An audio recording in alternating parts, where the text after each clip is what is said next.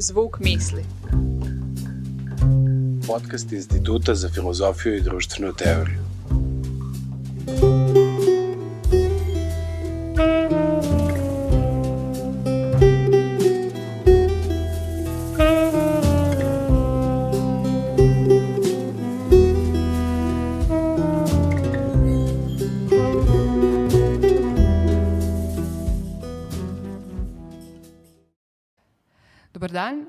I dobrodošli u sedmu epizodu podcasta Zvuk misli, podcasta Instituta za filozofiju i društvenu teoriju.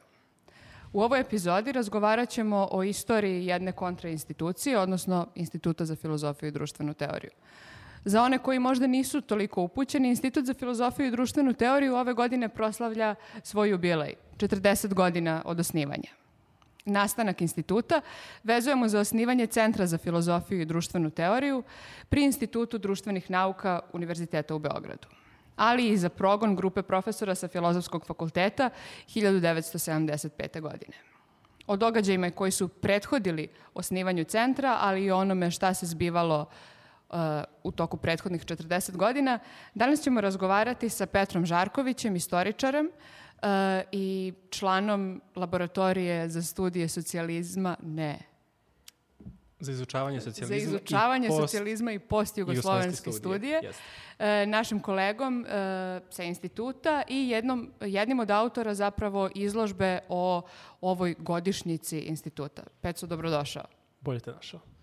Dakle, pre nego što počnemo da pričamo o samom događaju osnivanja Centra za filozofiju i društvenu teoriju, mislim da je neophodno da se vratimo nekoliko godina unazad i da zapravo razgovaramo o predistoriji instituta, odnosno centra i o tome ko su bili njegovi osnivači, zbog, to- zbog čega su oni i njihova kritika svega postojećeg smetali e, vlastima, zbog čega su prognani i kako je onda kasnije došlo do, e, do njihovog povratka na univerzitet. Pa hajde da krenemo od početka.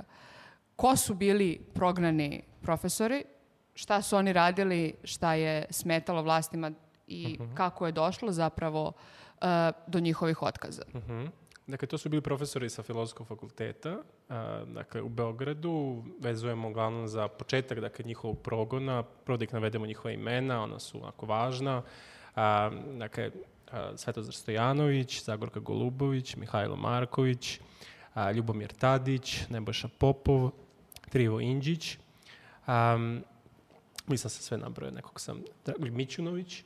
Um, dakle, profesori koji uh, su predavali dakle, na Filozofskom fakultetu i koji su bili jedan od veoma važnih aktera uh, čuvenih uh, studentskih demonstracija 68. godine.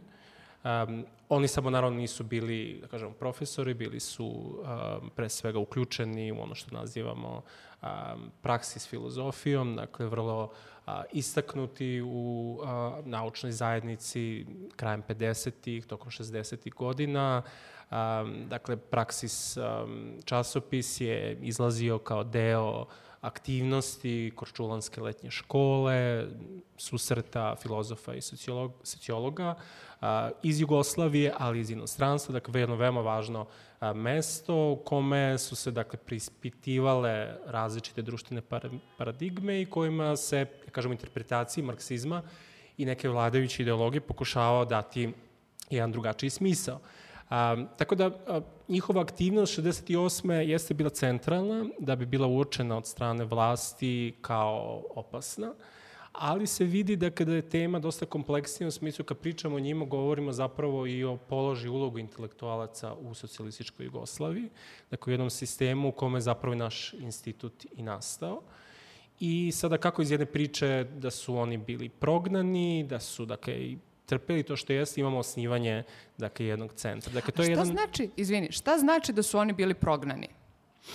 to znači da su Kako bili... su oni odstranjeni sa univerziteta? Da, dakle, oni su, kad su studentske demonstracije, dakle, kada su se desile juna 1968. godine, a, koje su trajale, dakle, koje su, dakle, bile onako jedan najvažniji, jedan najvažnijih događaja, dakle, te šede turbulentne čitave 68. godine, odmah se postavilo pitanje i u vrh vlasti, dakle, partije tadašnje, koja je za to odgovoran. A, bez obzira što je uspela partija da to kanališe na pravac, pravcu kome ona to dakle, najbolje uspela. Dakle, Tito je, dakle, to je čuveni njegov govor i tako dalje, da se to primiri, da ne dobijete neke velike razmere, jer je bilo veoma važno da se a, prestiž Jugoslavije dakle, u Evropi održi i da ona ne bude prikazana isključivo kao jedna dakle, represivna država, kao ostale države u istočnom bloku.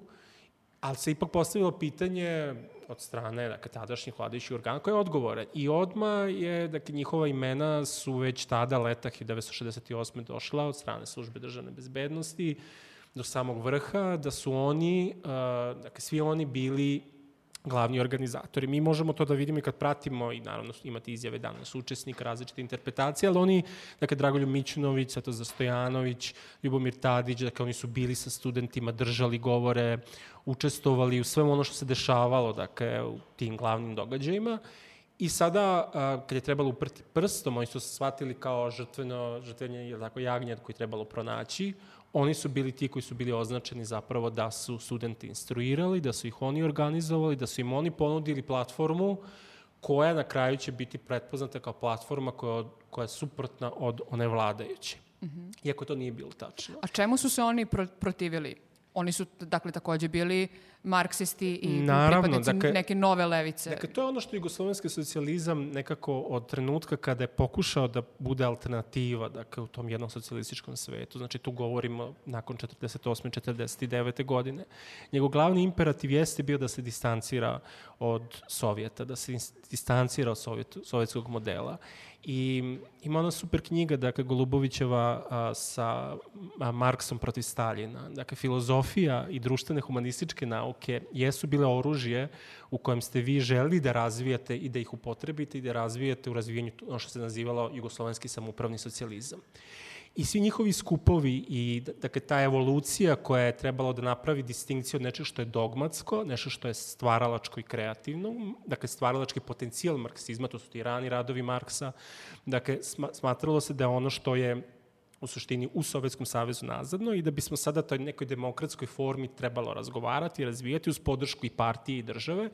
I a, sve buduće, na primjer, katedra za sociologiju i udruženja, dakle, filozofska i sociološka, dakle, i sam a, Korčulanska letnja škola jeste bila taj odgovor da se sakupe, da se organizuju i da taj proces a, evolucije dobije da kažemo, i podršku. Međutim, to nije bilo, da kažemo, uvek oslobođeno jednog, opet kažemo, nadzora i partije i vlasti.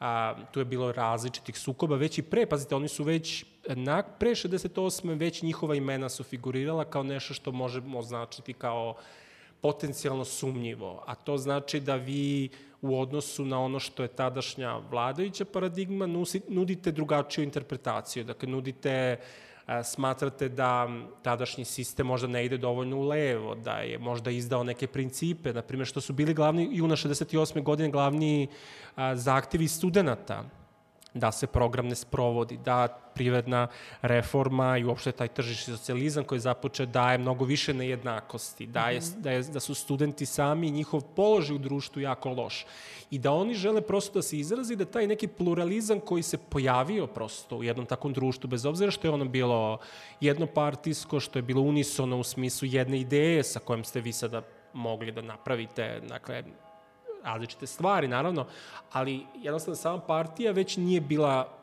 monolitna, nije bila monistička. I onda oni sami su odgovarali tim, tako da su uvijek postale dve struje, mogu reći, u intelektualnim krugovima, političkim krugovima, kulturnim, dakle oni koji su želeli malo da pomere te granice, dakle te evolucije i oni koji su smatrali da je to previše otišlo. Dakle, previše otišlo u smislu da na kraju politički monopol partije možda bude ugrožen ako sad imamo uh, dakle, različite centre odlučivanja. Ako to samoupravljanje dođe ka nečemu što možemo da zovemo malo šira participacija. Dakle, ta mhm. uplašenost da vi onda, kao što se desilo, na primjer, isto kada je bilo juna 68. desio se isto važan događaj nekoliko meseci, to je intervencija trupa Varšavskog pakta u Čehoslovačkoj, koja je bila intervencija protiv demokratskih formi socijalizma, dakle koji su čehoslovački komunisti, oslanjajući se i na jugoslovensko iskustvo. Znači, tenkovi ulaze i na silu prekidaju u istočnoj Evropi jedno. Dakle, da je to ostavilo ogroman utisak na tadašnju partiju, da prosto određene stvari bi ipak sa tim iskustvom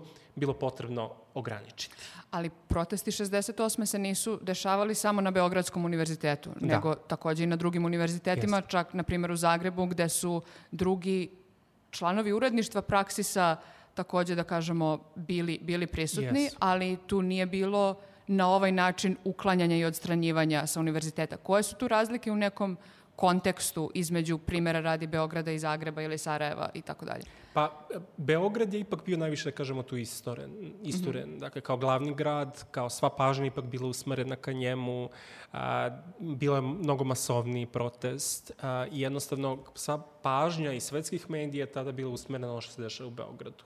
Dakle, da li će studenti zaista sada kao studenti u Parizu, studenti u, u, a, dakle, u Berlinu i drugim gradovima, da li će oni sad izaći na ulice i da li će oni sada postave pitanje prosto, ajde da kažemo, vlasti, pitanje nekih gorućih tema, dakle društvenih tema što je ono njih zanimalo. Dakle, da li će ta slika Jer prosto to je za njih bilo iznenađenje. Pazite, oni su u maju mesecu govorili da interpretacija je bila da ono što se dešava na zapadu jeste jedna vrsta takođe degradacije a, građanskog društva i ondašnjeg sistema, gde sada mladi shvataju da su u jednoj zamci, da ne mogu da se izraze i da je to prosto logično ono što se dešava na zapadu. I onda imate iznenađenje kroz nekoliko nedelja, to se dešava u Beogradu. I dešava Da. se, dakle, gostu je bio šok. Dakle, to nisu očekivali, dakle, na tak, taj način. Bez obzira što se to, kažem, bilo mnogo radikalnije, dakle, obračun pre policije i studenta je bio mnogo radikalniji u Francuskoj nego što je bio u Beogradu. Ali to za njih bio šok. I onda jednostavno tražila se odgovornost. Dakle, ko je za to Dobro. I onda se odgovoran? Tito vratio sa Biriona, rekao da su studenti u pravu. Jeste. To je bilo 68. I onda šta se dešava do 75. kada oni zapravo bivaju uklonjeni sa univerziteta. Koji su to bili koraci? Da. Zašto to nisu uradili odmah? Da li su čekali strateški trenutak ili je bilo neophodno preduzeti neke Da. mere? Da, bilo je potrebno preuzeti mere. Na primjer, prva mera je već bila jula 68. da je raspušten uh, dakle, Savez komunista, dakle, raspuštena partijska organizacija na Filozofskom fakultetu, što je već bio prvi znak. Mm -hmm. A, pritisak onda ide. Dakle, to su zapravo sada te forme da Jugoslavija nije želela da ostavi sliku kao jedan represivni uh, sistem, kao što je ajde kažemo, dosta naličije takvog sistema bilo svuda drugde u istočnoj Evropi, jer je, na primjer, studentski pokret bio na, a, dakle, u Poljskoj, koji je jako isto bio ugušen iste godine. A, tako da se na, tražaju se forme kroz samoupravne organe. Dakle, da jednostavno sam filozofski fakultet, da mu se ukaže da postoji problem i da se očekuje od fakulteta, dakle od samoupravnih organa, da prosto to reše. Tadašnje ru- rukovodstvo, dakle, u Srbiji, partijsko, od 68. je na, dolazi na vlast, dakle oni a, 68. godine a, dolaze na reformskim principima, dakle koji su od sredine 60. godina, koji neki način odustaju od te težnje da partija bude ta koja će vršiti u tom smislu pritisak, dakle koja će prosto voditi ka tome da dođe do takih kadrovskih promena. I onda ste dobili jednu situaciju koja je trajala četiri godine, gde vi imate konstantan pritisak savezne vlasti ka republičkoj da problem, tad se već to definiše kao slučaj osam profesora, dakle, profesori sa filozofskog fakulteta u Beogradu. Mm -hmm. I Tito, uh, dakle, Tito naravno nije ulazio, da kažemo, dublje u to šta su oni sada sve govorili, šta su razmatrali, da li oni odustaju od partijskog programa. On je dobio analize obaveštajnih, dakle, službe državne bezbednosti, koja je prosto njih vrlo jasno stavljala kao najodgovornije. I zaista nije prošao ni jedan značajni njegov govor da se on nije osvrnuo na njima. Dakle, mm -hmm. da se nije, da li je to partijska sednica, da li su to njegovi govori a, po zemlji, dakle, gde, kada je prisustuo različitim događajima, gde on kaže, na primjer, na jednoj sednici on govori, a, postoji tamo jedan profesor, a, dakle, govori o Mihajlu Markoviću, koji odlazi u Ameriku da tamo predaje, a, dakle, to je već sumnjivo, dakle, oni dolaze, prihvataju te ideje sa onda zapada, kvare našu omladinu i jednostavno, ako mi dozvolimo da oni dalje budu na svojim mestima, prosto to će nama stvoriti ogromne probleme. A, Srpsko partijsko rukovodstvo tada se opiralo, Dakle, opiralo se bukvalno hapšenjima, dakle, njihovom proterivanju, sve do 72. godine, kada su oni bili i oni uklonjeni, zbog liberalizma, dakle, zbog toga što nisu bili dovoljno čvrsti. Dakle, negde već sa 21. sednicom sa padom Hrvatskog partijskog rukovodstva, koje je isto bilo optuženo da je bilo liberalno prema, između ostalog, i studentskom pokretu u mm -hmm. Zagrebu, a, tražilo se da isto postupi i nakon njihove smene da isto postupi srpsko, ono to nije uradio, tako da je deo njihove optučnice nakon njihovog pada bio taj što su profesori ostali na svojim pozicijama. Kada su oni pali, kreće da se odmotava situacija. Dakle, spisak, taj konačan spisak osam profesora je negde u proleće 73. godine, mm -hmm. gde se izrečito govori da tih osam profesora problematično i traži se od filozofskog fakulteta da postupi u skladu sa novom uredbom. Dakle, vi nakon 72. A godine... nova uredba je? Moralno-politička podobnost. Dakle, daje za zapošljav, zapošljavanje a, na fakultetu, a, i drugim ustanovama državnim, a, sve su bile naravno državne, a, da je važno da se vodi računa da li ti nastavnici odgovaraju političkom profilu koji se tada zahtevao. I tada se očekuje od šta? Nastavno-naučnog veća da utvrdi Tako je, dakle, to je krenulo zapravo preko univerziteta, dakle, krenulo, znači, to je sve moralo da ima legalne forme, znači, mm -hmm. nije mogo da se prikaže da je to sa neko bukvalno nasilje, mi ćemo doći će policija, ona će njih da otera, ne, nego da samupravni organi sami e, dobiju signal od strane, dakle, najviših šta organa, činiti? šta im je činiti. I da oni on, po tome postupe. A, to se, dakle, na nivou a, saveta univerziteta, dakle, krenulo je sa vrha univerziteta, došlo do filozofskog fakulteta, Međutim, filozofski fakultet i svi zaposleni sa tadašnjim dekanom Simom Ćirkovićem a, radi, formira se komisija dakle, koja će da oceni njihov moralno-politički dakle, kredibilitet. Međutim, sve komisije, dakle, to je preko 30 ljudi, što na filozofskom fakultetu, što dakle, širom Jugoslavije, daju pozitivan a, referat. I šta dakle, onda? Oni daju pozitivan referat i kažu, dakle, mi smo se vodili isključivo uh, analizom njihovih naučnih radova. I tim njihovim naučnim radovima nema govora da su oni protiv samoupravlja, nema govora da su protiv socijalizma, da su, dakle, to ne stoji. Naravno, dakle, država onda poseže dakle, da može da promeni zakon. I menja se zakon o visokom školstvu gde se govori da Skupština Srbije u suštini ima pravo da ona sama inicira njihov uklanjanje, da kako proceni, da ti ljudi zapravo razaraju društveni sistem i da su antisistemski, ili tako, i da su opasni za čitavo društvo. Dakle, to je usledilo, iako su bili pregovori sa profesorima da se nađe neki modus vivendi, mm -hmm. dakle, da oni za jedno vreme odu da predaju dakle, u inostranstvu, da neko se posveti, dakle, da nemaju dodira sa studentima. Dakle, to je bilo važno. Da se oni uklone sa da fakultet. Da ne kvare omladinu. Da, da ne kvare omladinu. Oni su to odbili zato što istovremeno dok je, dakle, od, naročito od 70 već, ajde da kažem, početkom 70-ih, a naročito 72. godine, već kreću dosta hapšenja, dakle, što studenta, dakle, što, na primjer, Božidar Jakšić, koji će biti naš, a, dakle, isto direktor i član instituta, je bio uhapšen 72. godine zbog jednog teksta, kreću izbacivanja, dakle, nakon 72. ogroman broj ljudi uklonjen iz različitih sfera, dakle, političkih, kulturnih, privrednih, I jednostavno to je nova klima. Dakle, vi sad imate u novu društvenu klimu koja od vas traži, dakle, bilo je ogroman broj ljudi koji su bili oportunisti, prosto koji su se uklopili u taj sistem i njima nisu bili važni ti obzir akademski, dakle, nego jednostavno oni su pretnja, zašto bi mi bili u, da kažemo, težoj situaciji zbog toga. Uh, A, tako da na kraju a, lex specialis, dakle njih je lex specialis a, krajem januara, 28. januara 75. godine Skupština donosi odluku da oni, i to je sad neverovatan isto način na koji su oni to pronašli, ne da budu a, proterani, nego da budu stavljeni na raspolaganje. Raspoloženje.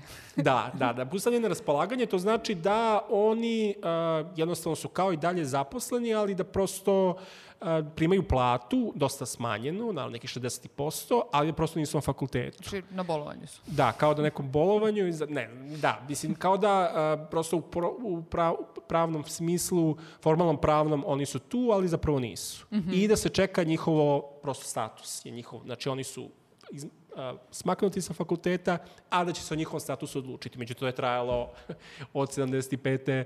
dakle, do 81. godine, to je ipak šest godina. Šta su oni radili u tom periodu, tokom tih šest godina, dok su bili stavljeni na raspoloženje? Da.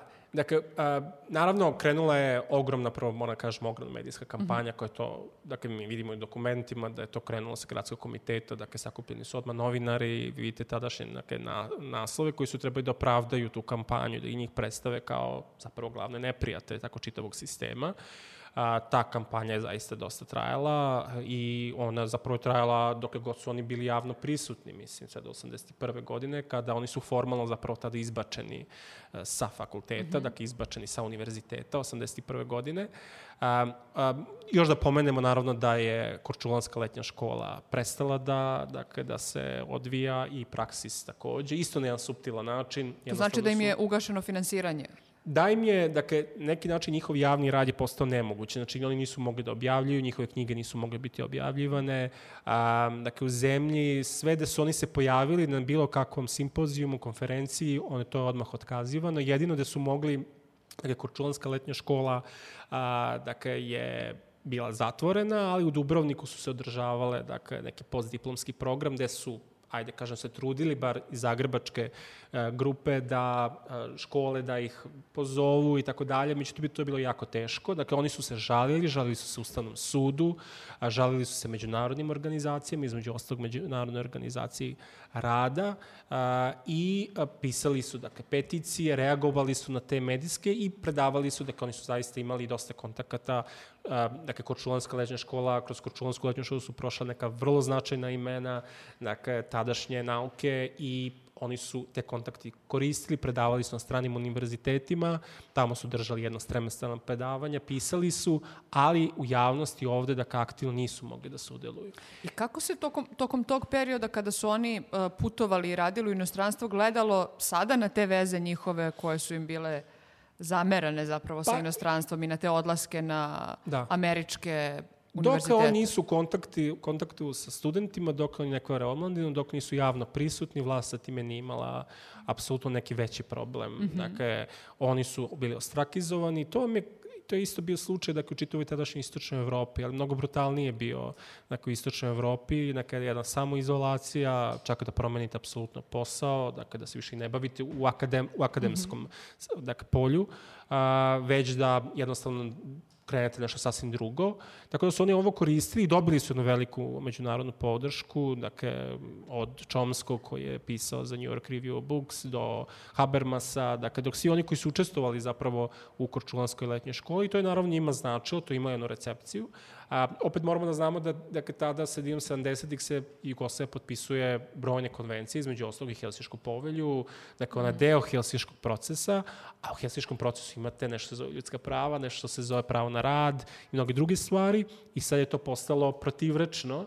A, čak u nekim analizama, dakle, tada kada se žali oni Ustavnom sudu do kabineta predsednika Republike, dakle, do Tita dolazi jedan savet da prosto a, se od te moralno-političke podobnosti odustane, mm -hmm. dakle te uredbe, zato što to pro, prosto kvari i do, dovodi Jugoslaviju u jedan vrlo težak položaj, a Jugoslaviji jeste bilo važno zbog pozicije koje ona imala, da ne bude prepoznata kao država koja to krši i koja, dakle, vi dolazite na crnu listu, mislim, ako se oglušite od ono što ste potpisali. Tako da oni su na kraju e, dakle, izbačeni, na primjer, 81. godine, to je sprovedeno opet do kraja. Dakle, opet je izmenjen zakon, da se to, dakle, to stavljanje na raspolaganje ograniči.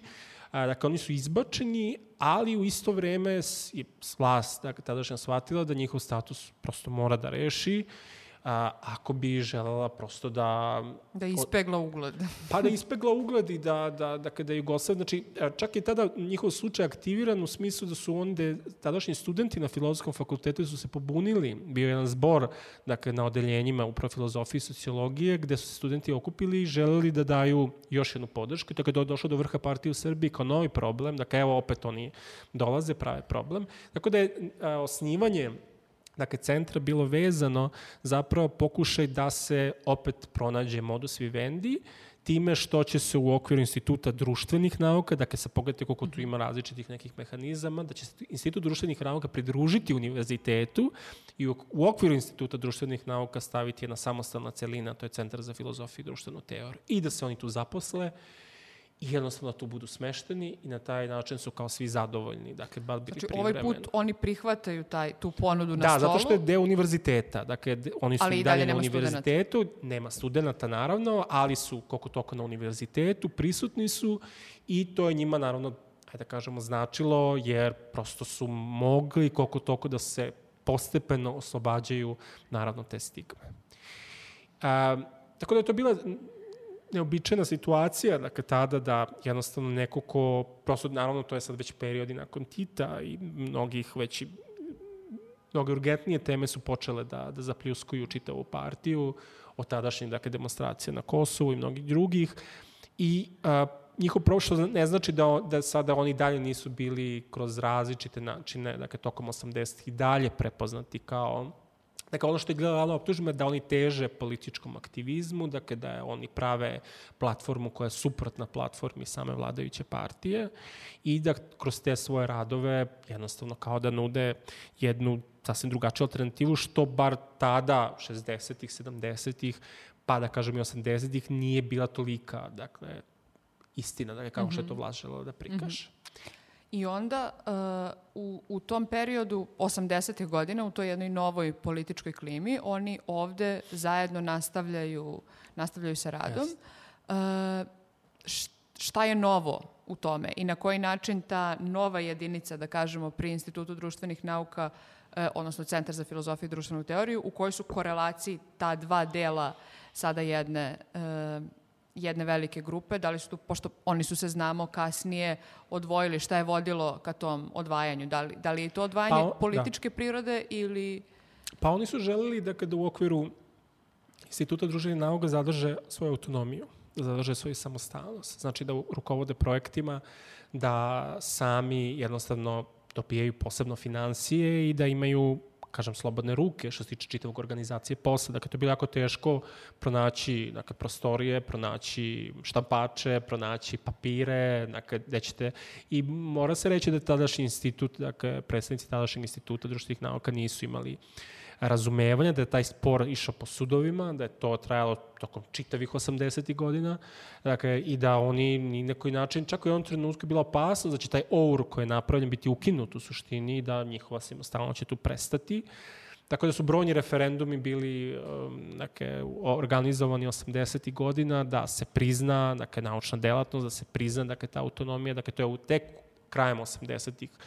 se završilo, ali je i bilo u korelaciji sa a, i dalje problemima a, centra i tim ličnostima, mm -hmm. jer je vlast njih ipak doživljavala i dalje kao pretnju, što se videla u njihovoj naučnoj produkciji, koja je postala isto sporna, iako su se važni projekti, dakle tada jer centar a, odgovarao na tada, kažemo, važne teme 80-ih, a to jesu opet reforme, to jeste kakav sad socijalizam želimo, kako onda se reformiše, a, po prvi put neke, neke teme koje su se bavile liberalizmom i liberalnom mišlju, dakle, istorijatom, dakle, i u Srbiji i vani, dakle, sve to, pokre, sve to bilo pokrenuto, naravno, na, u centru, ali sa druge strane dolazile su a, upozorenja, zabrane, a, da pomenemo samo neke, dakle, Nebojša Popov koji dakle, bio uhapšen, na prima 82.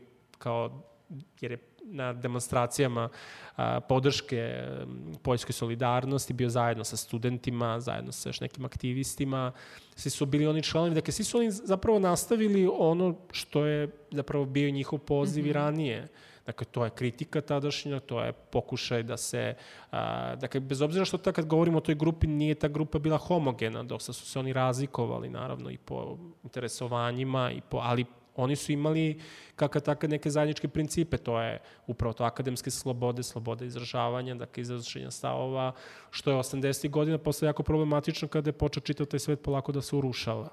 Dakle, da spomenemo, kažem, teo za knjige, to je društveni sukobi, izazov sociologije, dakle Popova koja je zabranjena i koja tek tamo početkom 90-ih se prvi put objavila a, i to baš ima odluka suda a, da prosto se zabranjuje.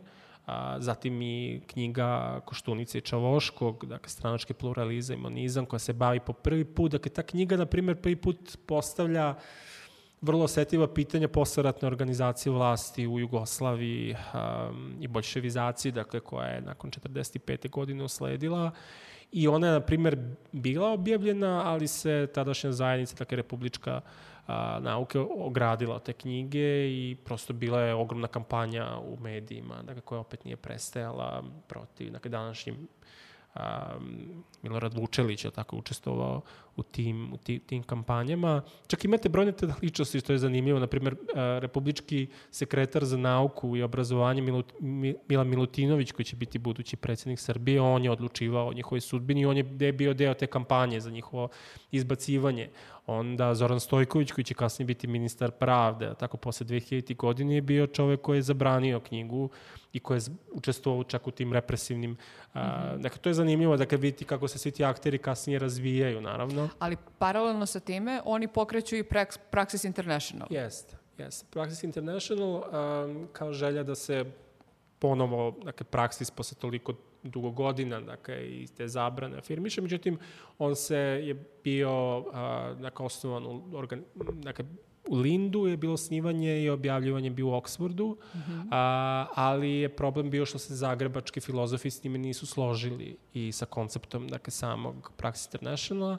A, imate tu različita svedočenja, Kangrga je to isto lepo objasnio, čemu je to bio problem, prosto su oni smatrali, dakle to su Kangrga, Gajo Petrović, Rudi Supek, koji su, kažem, bili osnivači i Korčulanske letnje škole i praksis časopisa i oni su videli taj koncept koji je nudio Mihajlo Marković kao neprihvatljiv i njega nisu videli dakle, tada dakle, prepoznali kao neko ko bi iza toga, on mm -hmm. je bio urednik sa, sa ove jugoslovenske strane i sa time se nisu složili. I to je čak imalo jako velike štete, taj jedan intelektualni milje počeo tada da se deli ipak i napravilo jednu nedoknadivu štetu a, ka jednoj grupi koja je prosto bila u jednom trenutku veoma važna, dakle kada govorimo o nekoj društvenoj kritici, a sada ona počinje prosto da se udaljava jedni, dakle da se udaljavaju, dakle tad su čak i prekinuta prosto kontakti između mnogih od njih.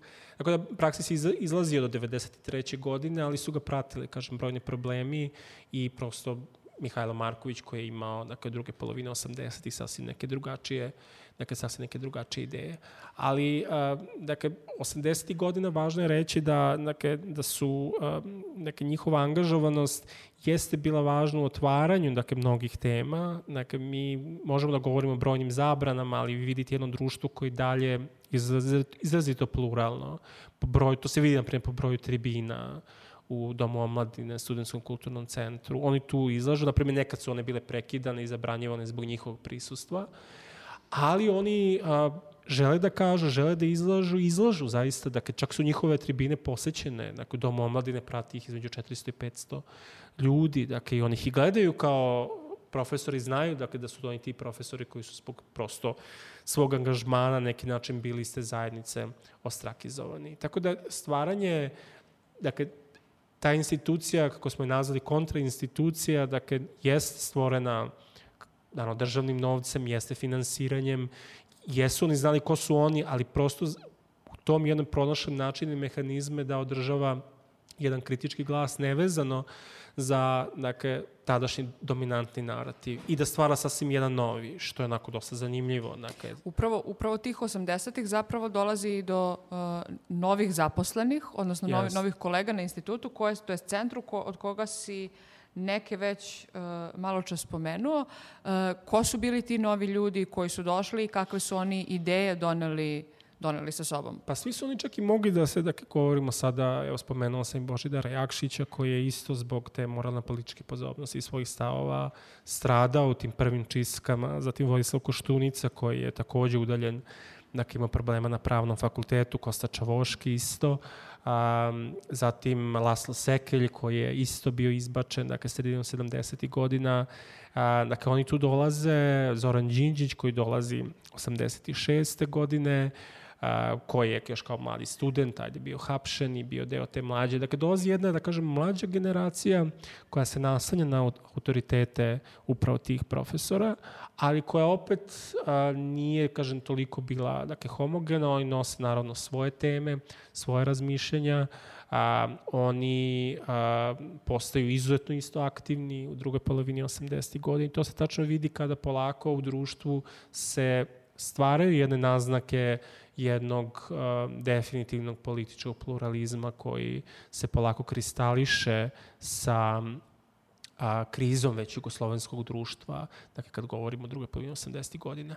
Dakle, tu da spomenem, dakle, osim neke njihove, znači to je ono što je a, njihov rad uvek nekako oslikavalo, a to je da a, tadašnji intelektualac, sada možemo ga definisati kako se on a, koncipirao u tom sistemu, ali nikada im se ne može oduzeti taj kritički njihov moment da prosto, kako, kako i sama Maksima bila kritika svega postojećeg, tako, da dovodimo sve u pitanje. A, dakle, stalno njihova želja da prosto budu u fokusu i da odgovore, dakle, da su to, to tribina, njihove mogućnosti su bile ograničene ali prosto zalaganje za neke od najosnovnije principe. I zato su oni bili angažovani različitim, naravno, peticijama 80. u onom čuvenom odboru za zaštitu, dakle za odbranu uh, mišljenja i slobode izražavanja, a, za, dakle, oni, onaj čuveni slobodni univerzitet, uh, dakle, koji, gde su održavana predavanja u stanovima, gde je čak bilo takođe ono veliko hapšenje 84 godine, pa zatim različite inicijative koje su oni bili pokretali. Dakle, sve ih je to stavljalo opet u smislu, dakle, jednom položaju da a, žele da menjaju dakle, stvari i da žele da preispituju na neki način onaj, da kažem, tatašnji vladajući sistem. E sada, društvo ulazi u potpuno jedan drugačiji kontekst u drugoj polovini 80. i početkom 90. godina, gde oni postaju izrazitije politički uh, aktivni i gde vi jednostavno niste mogli da ignorišete ono što se dešava svuda u istočnoj Evropi. Dakle, koliko god se Jugoslavija trudila da sebe distancira, ona već, da kažemo, sa tim progonima i sa tom represijom postaje nalik a, državama realnog socijalizma, kako se to govorilo. I da sa njima deli iste probleme, da ona, da, da li su tu pitanju dakle, ekonomija, da li su u pitanju umetnička stvarala, što da li u pitanju sada perspektive održavanja vitalnim ideju a, socijalističkog društva, socijalističkih društvenih odnosa u nekim novim uslovima.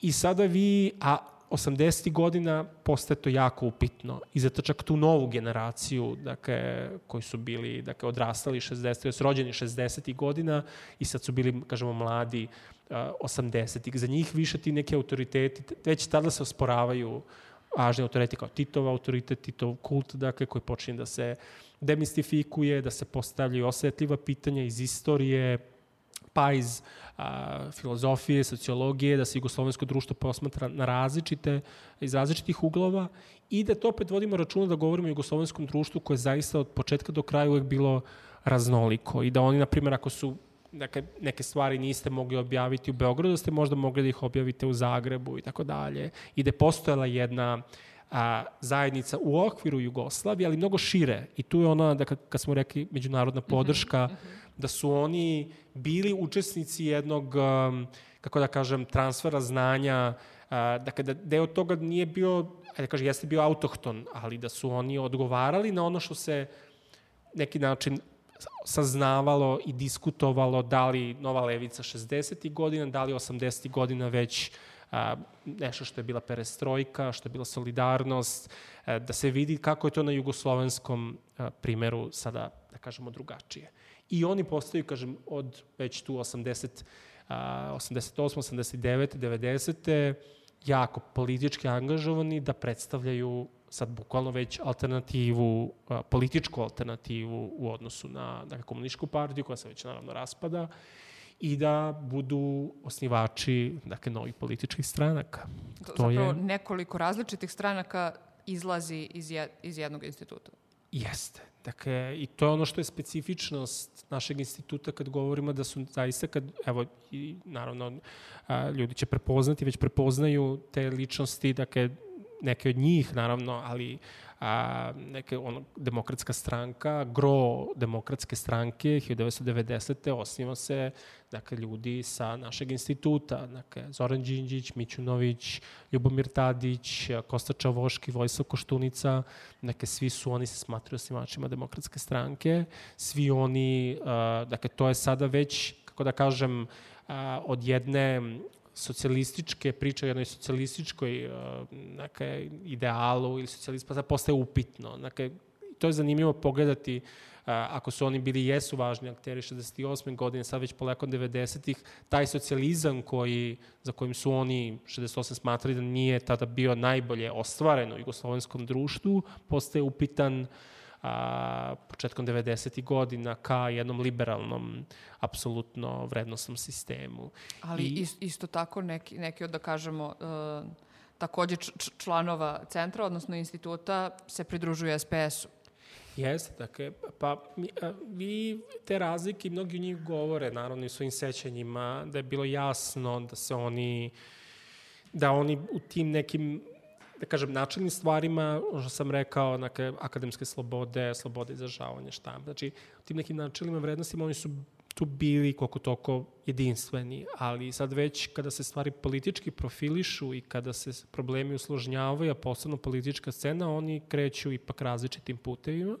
Ne zaboravimo da je tada i vreme jedno je, jednog talasa nacionalizma i populizma koji instruiše i propagira vladajuće, dakle posebno trenutka kada je Sloboda Milošević došao na čelo partije i ta jedan talas nacionalne euforije zapljusnuo i mnoge te profesore. Tako da se rat, rat je naravno to sve radikalizovao, ali Mihajlo Marković postaje veoma važan, dakle, jedan od autora programa Socialističke partije Srbije i već je tada viđen u njihovim krugovima.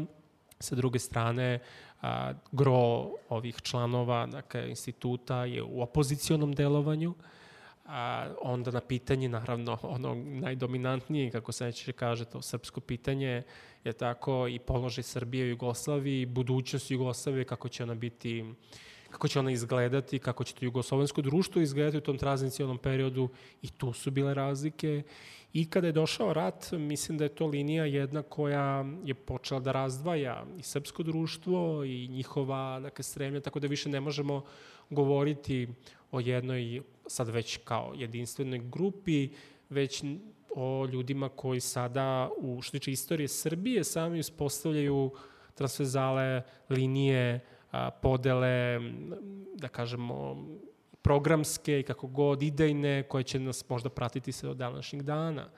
Meni je to super, pominjao sam baš a, neke susret njihov a, nakon martovskih demonstracija, znači svi su učestvovali u martovskim mm -hmm. demonstracijama 91. godine i na a, Radio Beograd, dakle trećem kanalu je okupio, Slobodan Divjak je okupio sve njih zajedno 90, aprila 91. godine da a, razgovaraju. Kad kažeš sve njih, misliš? Svih njih osam. Mm -hmm. Dakle, ih je, bez obzira što Trivo Inđić nije bio član instituta, on se isto smatrao deo tog grupe je bio, dakle, podelio sa njima tu sudbinu i on ih je pozvao da naprave razlike između 91. i sličnosti razlike između 91. i 68. Mm -hmm. I kad pogledate tadašnju diskusiju, jako dobro se vidi a, kako se uspostavljaju linije već sa jedne strane čak i sa jedne strane Ljubomir Tadić, Mihajlo Marković, a, Svetozar Stojanović i to u smislu nacionalnih tema koje tada postaju dominantne. Naravno, Mihajlo Marković tada apsolutno branio pozicije Sosiške uh mhm. -huh. partije Srbije i vladajuće stranke. Prosto to je govorio monopol vlasti Sosiške partije nije upitan, je dobije na izborima i tako dalje dok su Nebojša Popov, Životić, Mladin Životić, Zagorka Golubović, a, dakle, koji su držali dakle, sasvim jednu a, drugu priču i govorili prosto o problemima, a, o problemima tadašnje vlasti, dakle šta je bio pravi uzrok tih demonstracija i šta je ono što čeka zapravo srpsko društvo tokom 90. godina.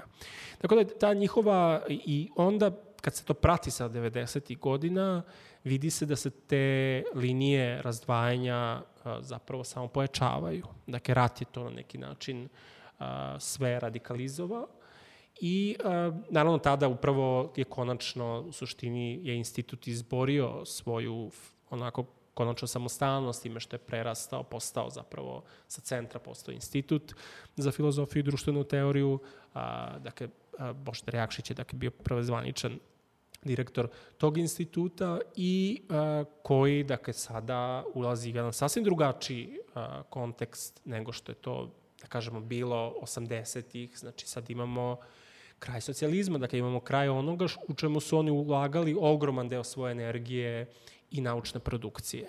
E sad, da malo pričamo o toj naučnoj produkciji. Sa jedne strane, neki od pojedinaca, dakle sa, sa ovog instituta, u to vreme 90. godina počinju uh, da budu sve više i više e, javno i politički angažovani dakle, e, u društvu. Međutim, na koji način institut kao naučna zajednica pre svega svojim, svojim izdavaštvom, svojim tribinskim programom zapravo prati i reaguje na dešavanja krajem 80. i 90. godina?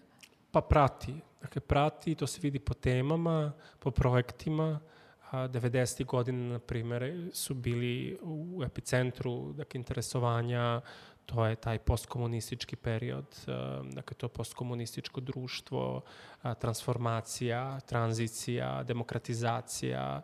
Dakle, iako mora da se kaže da 90-ih su uslovi bili jako, jako loši, na institutu izolacija zemlje, sankcije, izolovani ste od međunarodne naučne zajednice, sredstva praktično skoro niste mogli da pronađete. Božidar Jakšić piše nekoliko, na hiljadu strana, pokušavajući da obezbedi najminimalnije uslove za održavanje jednog skupa.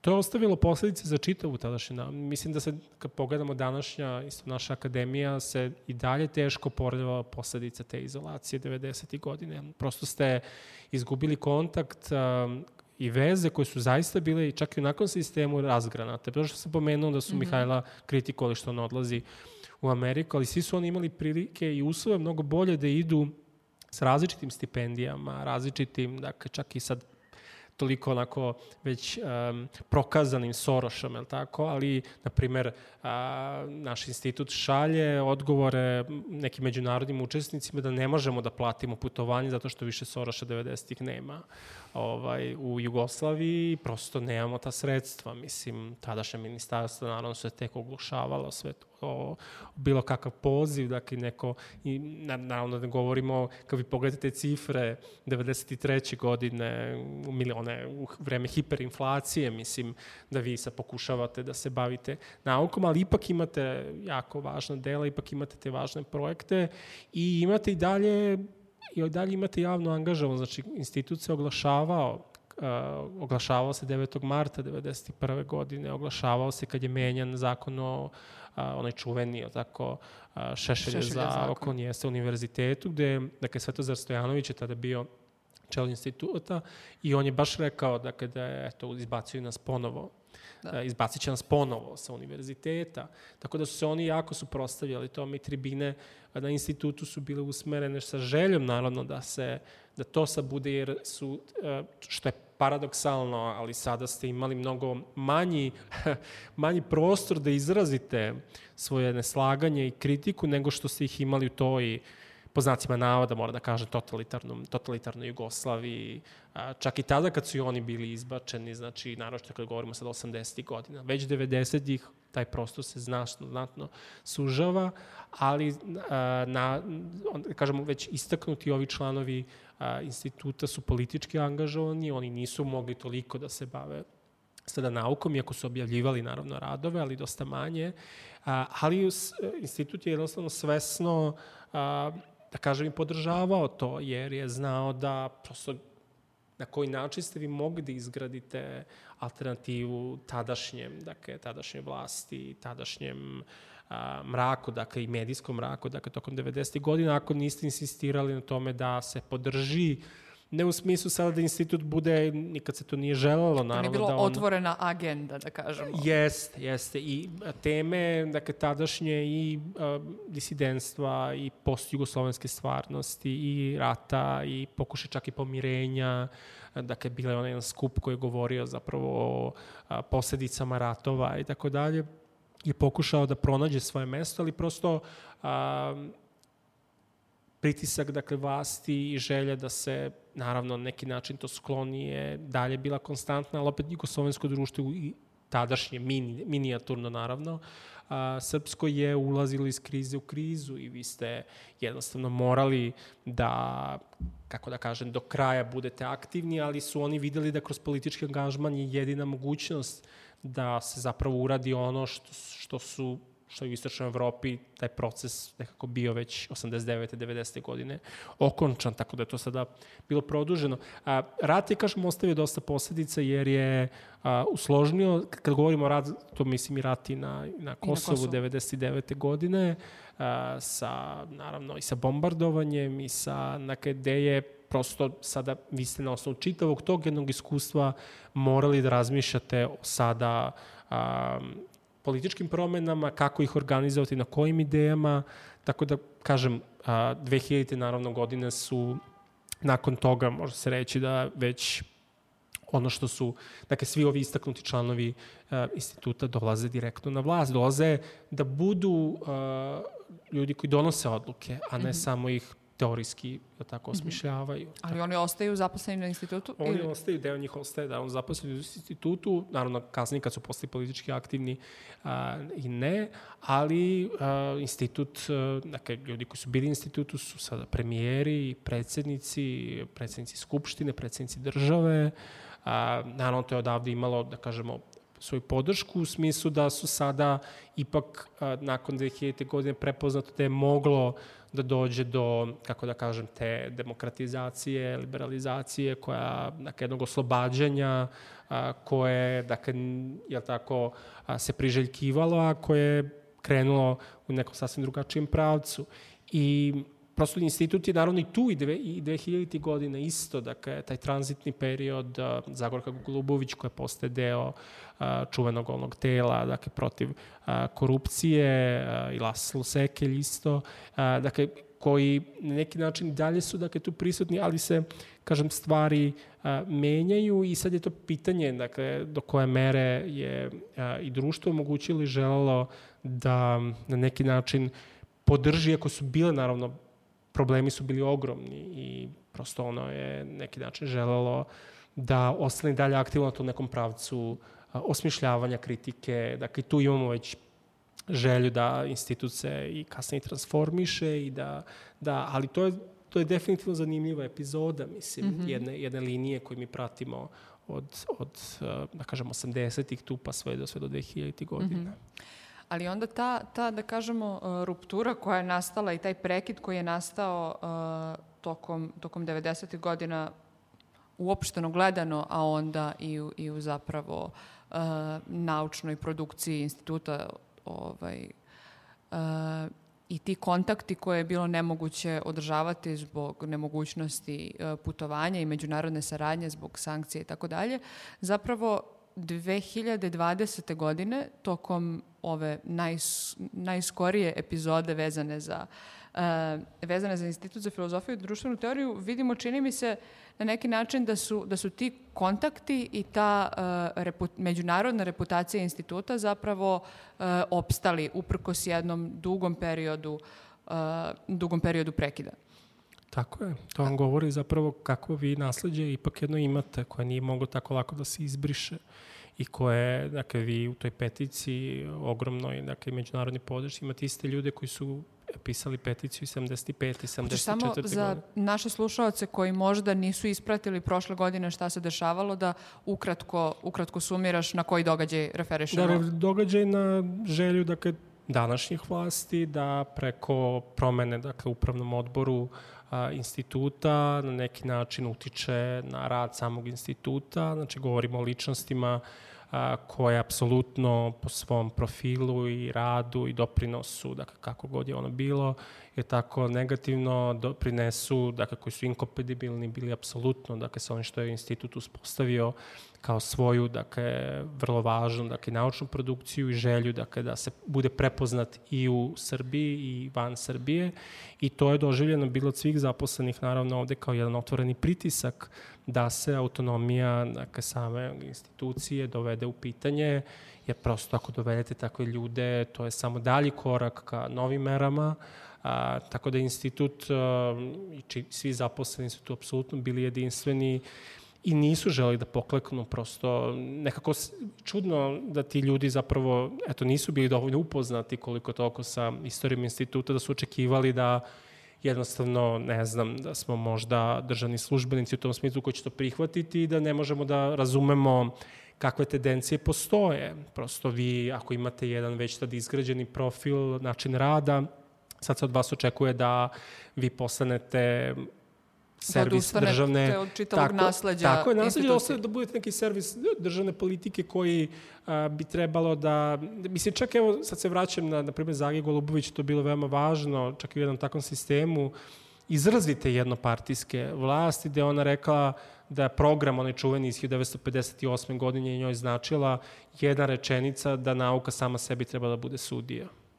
I da je, na primjer, ta a, rečenica bila veoma važna u smislu te a, a, borbe za sobstvenu autonomiju u naučnoj zajednici i za kritičku misao, dakle, da, koja su očekivanja od intelektualaca, od naučne zajednice, a, da ostvari, dakle, i da doprinese društvenom razvitku. Dakle, da li na način na koji bi trebalo da bude po čvršćoj kontroli i da bude da odgovori na teme koje zada vladajuća politika ili da učestvuje u jednom kontekstu a, društvenog dijaloga gde bi sučeljavanje mišljenja trebi da dođemo do, da kažemo, nekih svežih, važnih, originalnih ideja. Tako da taj koncept koji je zapravo, za, taj, ta mera koja je započeta, dakle, tada je bila prepoznata kao politička, bila je prepoznata kao s namerom, lošom namerom.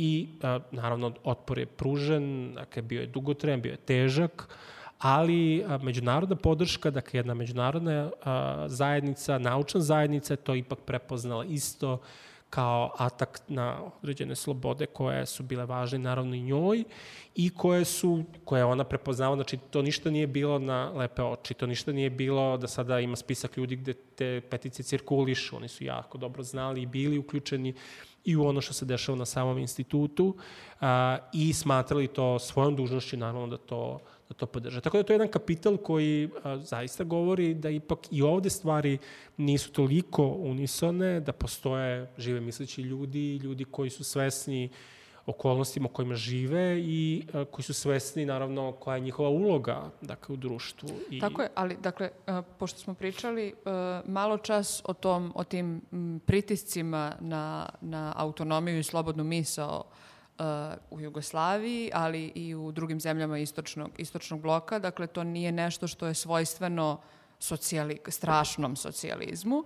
To je nešto što se dakle dešava i danas i što se ne dešava, ja bih rekla, kod nas, nego smo imali i pra, ispratili smo slične slučajeve i u Turskoj, i u Poljskoj, i u Mađarskoj i tako dalje i tako dalje. Dakle, to je takođe jedan trend koji čini mi se uh, do, je svojstven liberalnom kapitalizmu takođe, dakle. Da, da.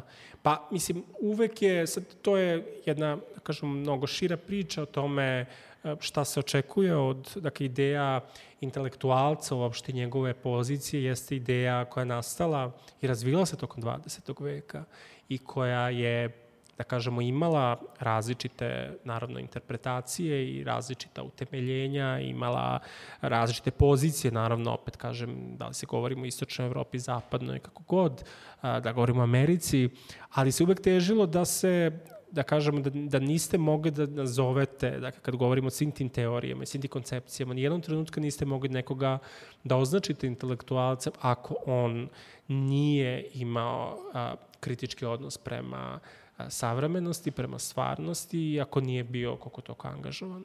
Dakle, bez tih, dakle, taj univerzalni intelektualac, taj intelektualac koji će smatrati da svako da je svakom pojedincu zapravo data jedan uh, prostor u kome on mora, dakle svakom, da je svakom pojedincu, svakom ljudskom biću dat prostor jedan koji mora da ostvari uh, da kažemo, svoje prava i u kojem mora da ostvari a, a, svoje mogućnosti, ili tako, da na svaki način, ako se to ugrozi na intelektualcima, jesu prvim da reaguju i da, da kažu, iskažu svoje nezadovoljstvo, da ga formulišu, da ga, ako govorimo o nekim većim idejama, da ga demistifikuju, da prepoznaju zlu nameru a, različitih a, moćnika, interesnih grupa, kako god da to suze, da, da interpretiraju na svoj način.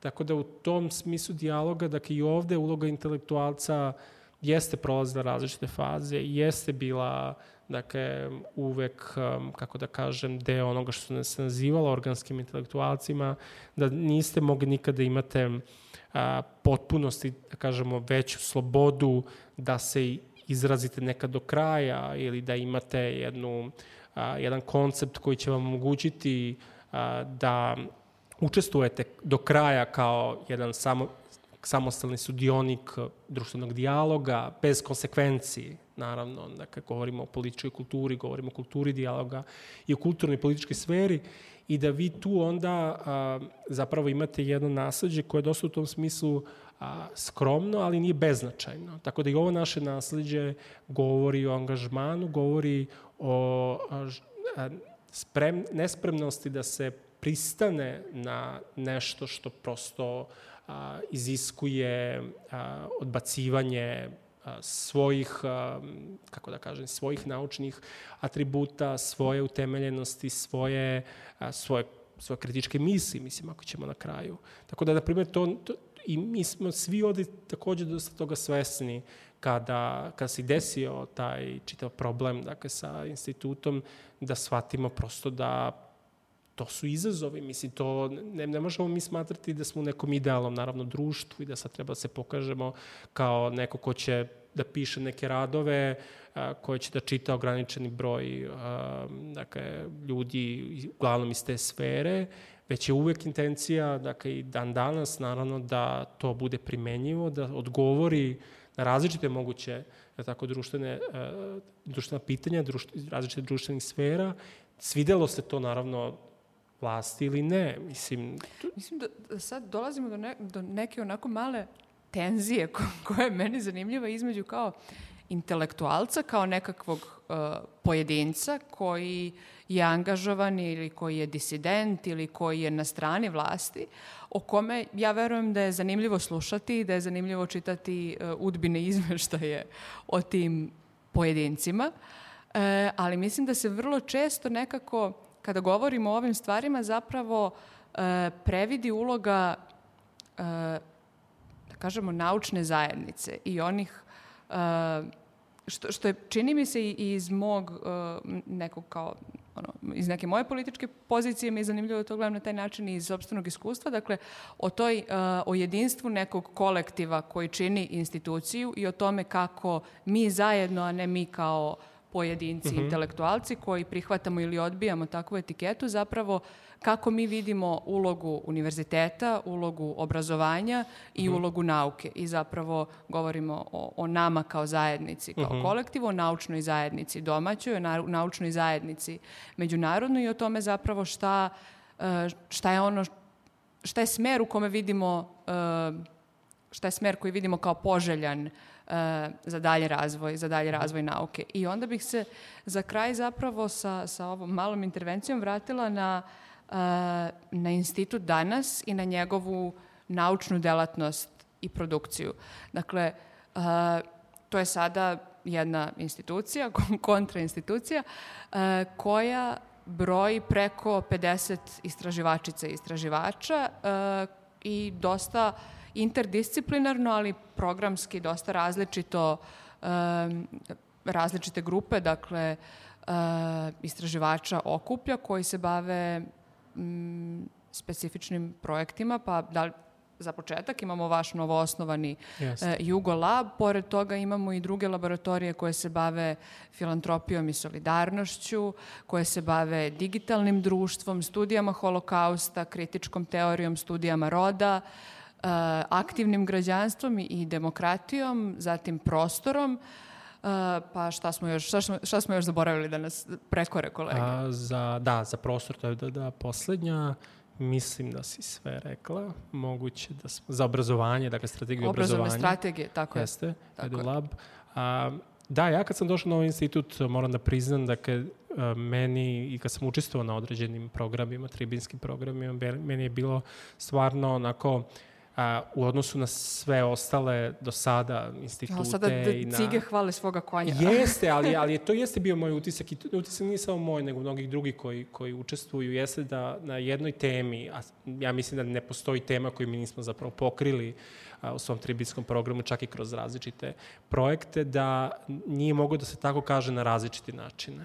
Dakle, da na jednom mestu imate filozofe, sociologe, politikologe, dakle, historičare, dakle, koji su mogli da ponude različite interpretacije, da se, naravno, ne slažu i da učestvuju aktivno u onim temama koje znače. Dakle, koncepcija nekog univerziteta jeste da, instituta koji je deo univerziteta jeste da on bude prepoznat kao a, mesto kritičke misli i neko ko će odgovarati u suštini na teme koje jesu od značaja i koje, koje su možda, na primer, u, a, u društvu nisu prepoznate kao važne, e, koje nisu dobile dovoljni prostor, a, ovde zaista one jesu. Tako da i ovaj, naša, da kažem, nova laboratorija ili ove ostale laboratorije svakako imaju svoj program rada koji imaju za cilj da a, i privuku deo pažnje javnosti i da, na primer, na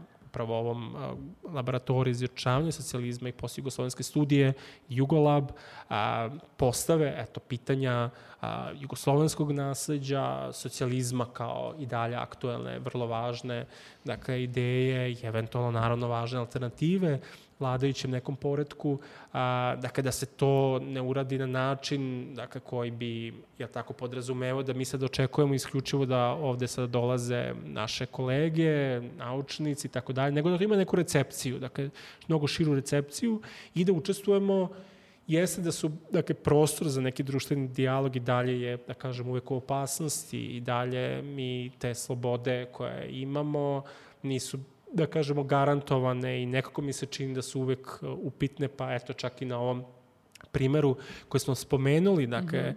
a, prošle godine, a, znači, ta svest zapravo da vi a, ne doprinosite isključivo kao neki a, državni serviser sada koji je, koji naravno jeste finansiran od strane države i sve, ali koji ima svest o potrebi da se određene stvari ipak a, menjaju i da se naravno naglase, opet kažem, a, stvari koje toliko nisu bile prisutne, koje toliko nisu, a, tako da je manji, kad pogledamo, eto, kad se, na primjer, vidi deo te, a bila je medijska kampanja mm -hmm. isto protiv instituta, ne može se da se ne poredi sa neke medijskom kampanjom koji su bili, na primjer, izloženi profesori koji su bili je tako optuživani za a, abstraktni humanizam, a danas imamo optužbe o autošovinizmu i tako dalje.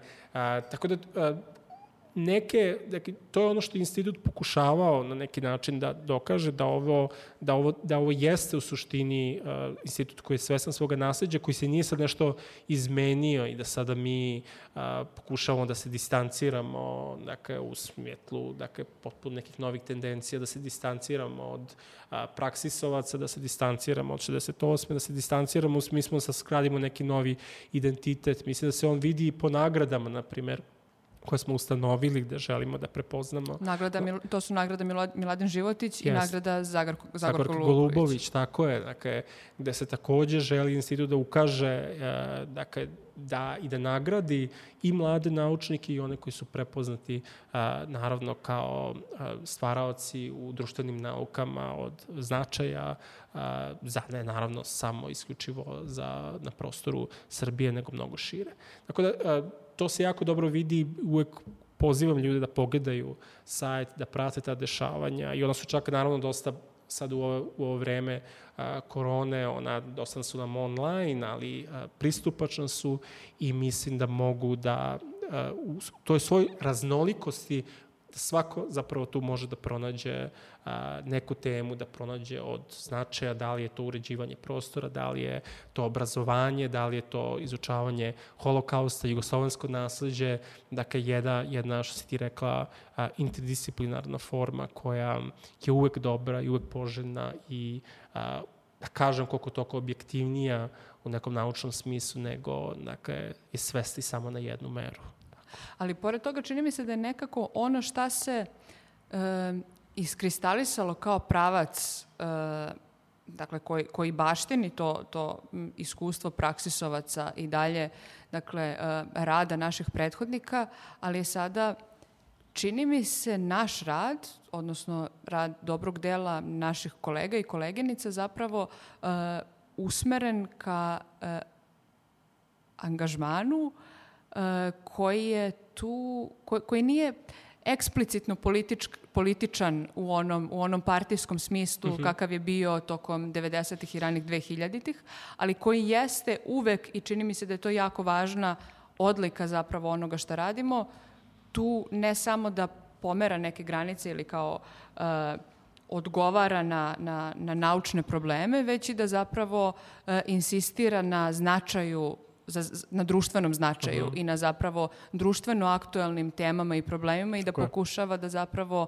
e, ili nudi odgovore ili mobiliše i stručnu javnost i generalnu javnost oko nekih problema, pa smo tako imali nedavno e, veliki broj naših koleginica koje su se angažovale oko privatizacije, odnosno e, ukazivanja na pro- problematičnost priva- privatizacije instituta Jaroslav Černi i celog problema sa Rio Tintom i dakle ce- celom e, ekološkom krizom kao e, danas trenutno veoma, veoma aktuelnim problemom kojim se ranije na ovom institutu prosto nismo bavili jer da, nije, nije se toliko govorilo o, o ekologiji u prethodnim decenijama.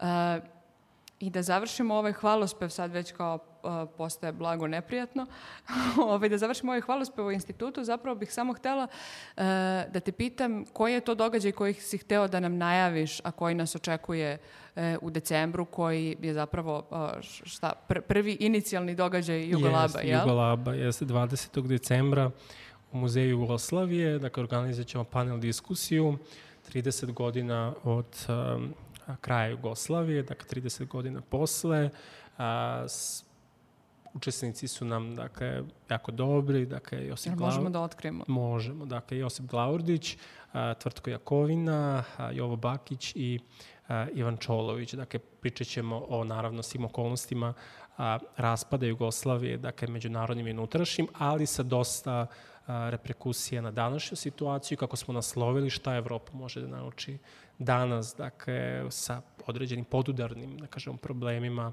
a, tadašnje problematične, dakle, za jugoslovenske zajednice i problema sa koje se suočava evropska zajednica, naravno, a, u današnje vreme. Tako da, eto, a, u Muzeju Jugoslavije biće detalji ovaj, na, na, na sajtu. A bit će i- detalji u izložbi o celom odloženom Jeste. rođendanskom programu, je li Jeste, tako? jeste, zbog, zbog, eto, zbog korone morali smo da odložimo neke izložbu uh, koja se bavi zapravo istorijom instituta uh, u Kulturnom centru Beograda, tako da na početku naredne godine prolećnog semestra nadamo se, eto će uslovi biti mnogo bolji što se toga tiče i da, ćete, da će ljudi zapravo moći da ode i da vide ovo, na primjer, o čemu smo mi pričali, da to vide kroz fotografije, dokumenta, da se prosto uvere u to nasledđe dakle, o kojem mi pričamo i koje je važno da se podsjetimo i da ga danas, jel tako i dalje, negujemo. To je Peco, hvala ti. I sa ovim EPP-om besramnim završavamo sedmu epizodu podcasta Zvuk misli koja nosi ime Istorija jedne kontrainstitucije. Hvala vam što ste nas slušali.